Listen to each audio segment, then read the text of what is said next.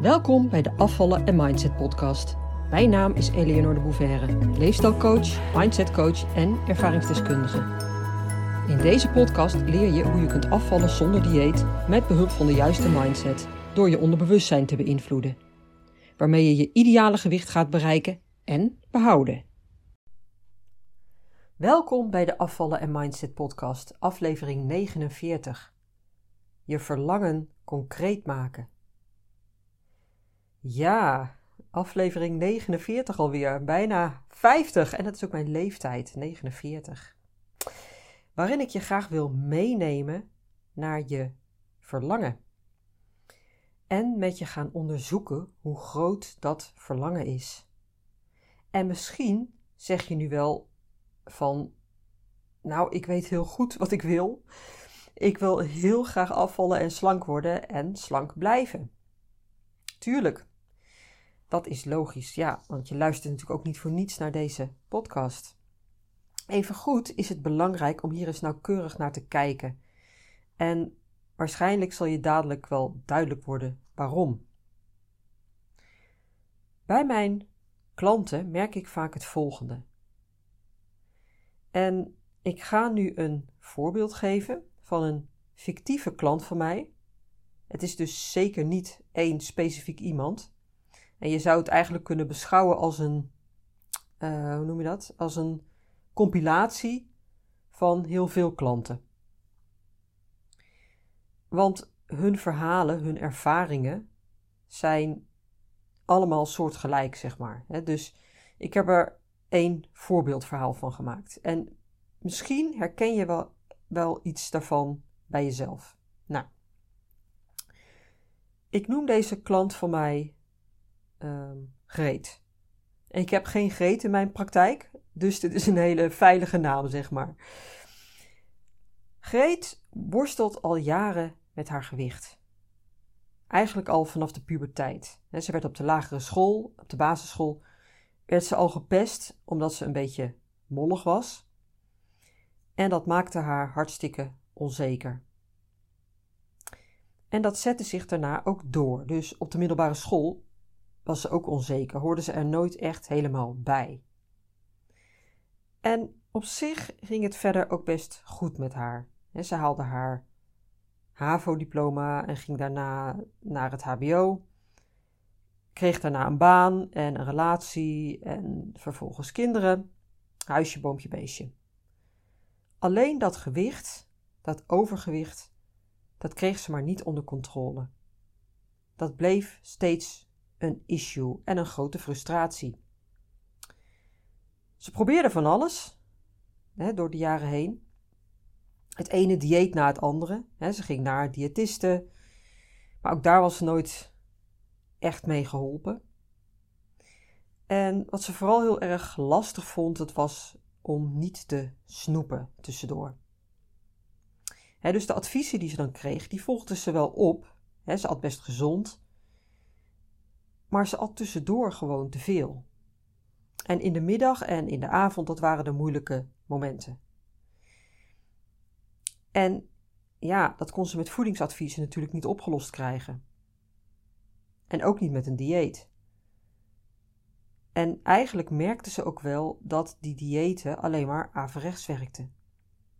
Want ze viel er dan, ze viel dan telkens wel een, een beetje af, maar daarna kwam ze weer net zo hard aan.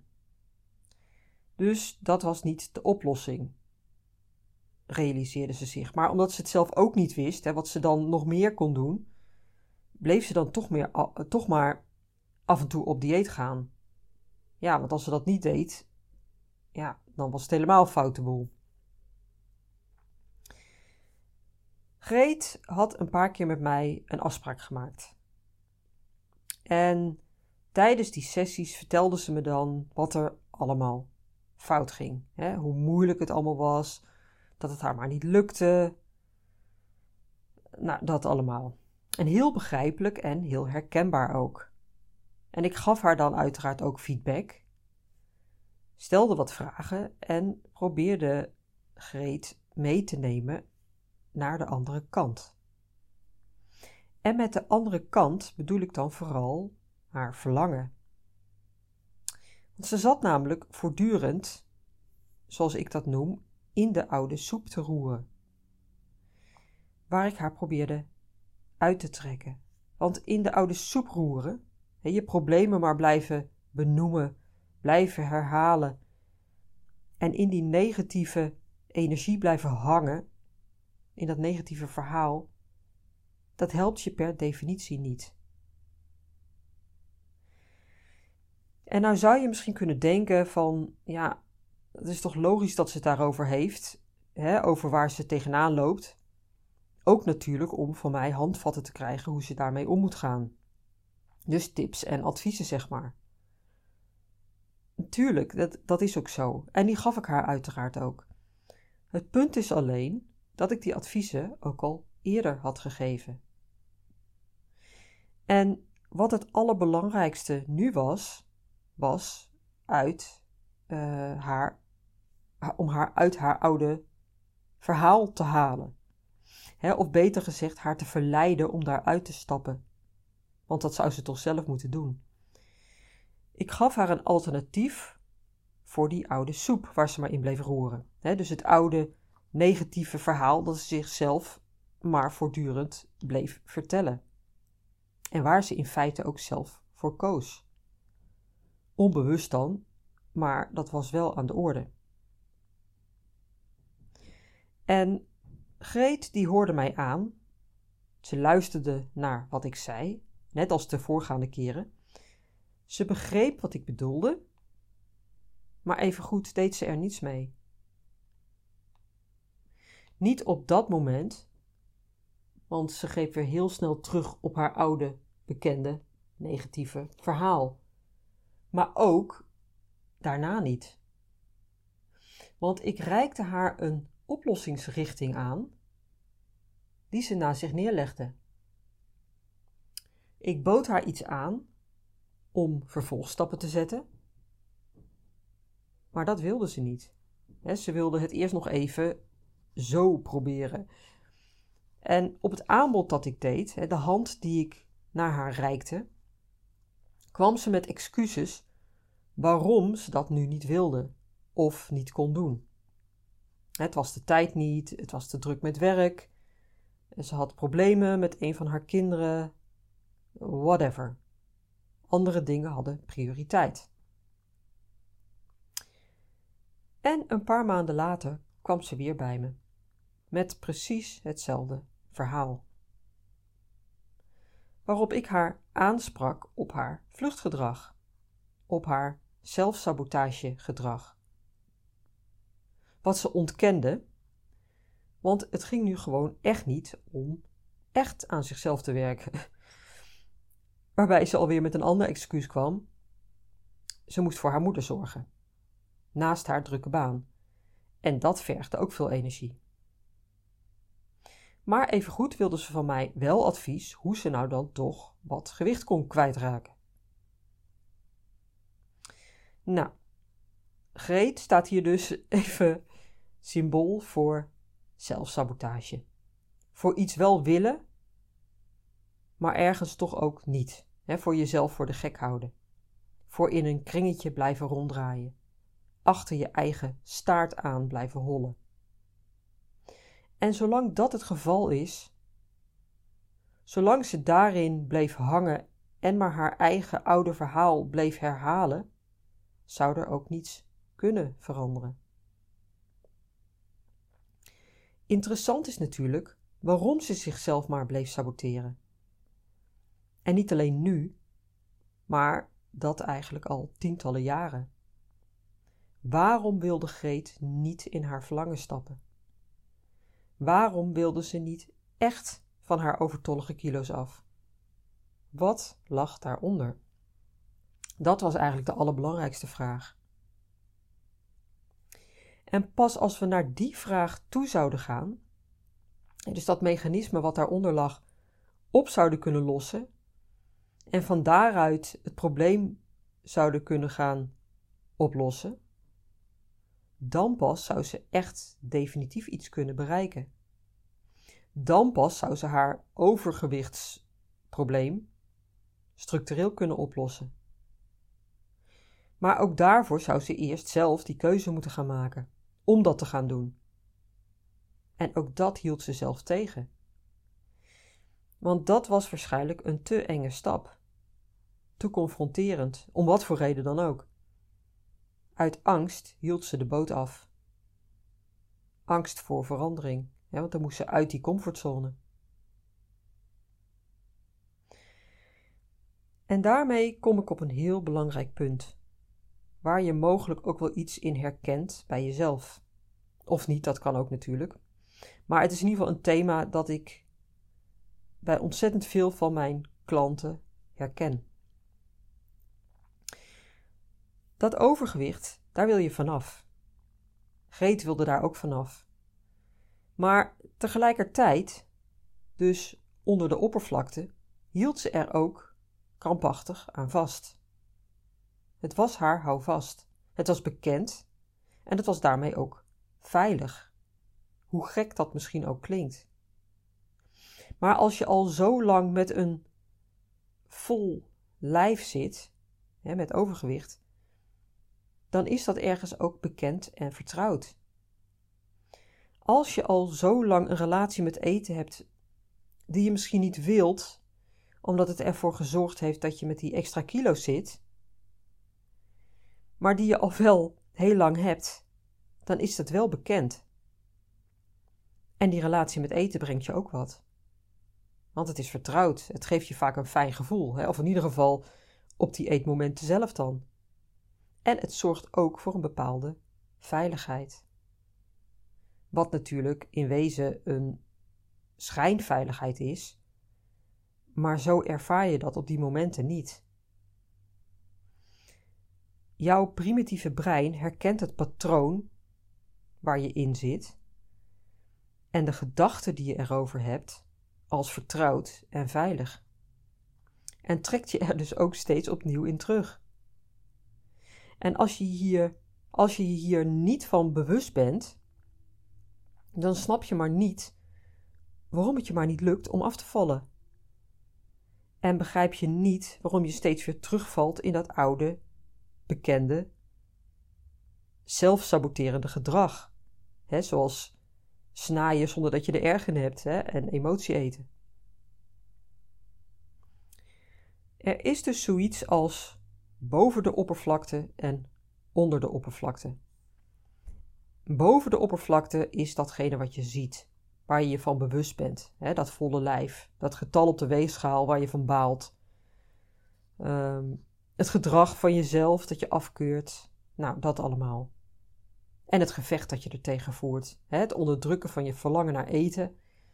De regels en de restricties die je jezelf oplegt, dat soort dingen. Onder de oppervlakte, daar gebeurt eigenlijk het echte verhaal. En daar ben je je meestal niet of nauwelijks van bewust. Dat zit vooral in je onderbewustzijn. Maar dat onderbewustzijn maakt wel de dienst uit. Jouw onderbewustzijn stuurt jou aan.